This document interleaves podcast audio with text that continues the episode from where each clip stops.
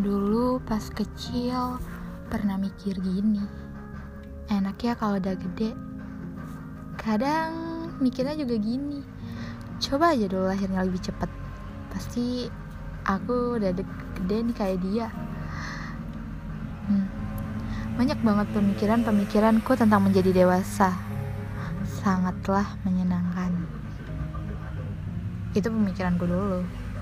Dan sekarang aku lagi ada di masa menjadi dewasa yang ternyata sangatlah melelahkan. Di masa ini, aku kehilangan orang-orang yang berarti di hidupku. Aku keliru. Ternyata jadi dewasa itu tidak seenak yang kubayangkan. Hmm, rasanya ingin kembali ke masa kecil saja.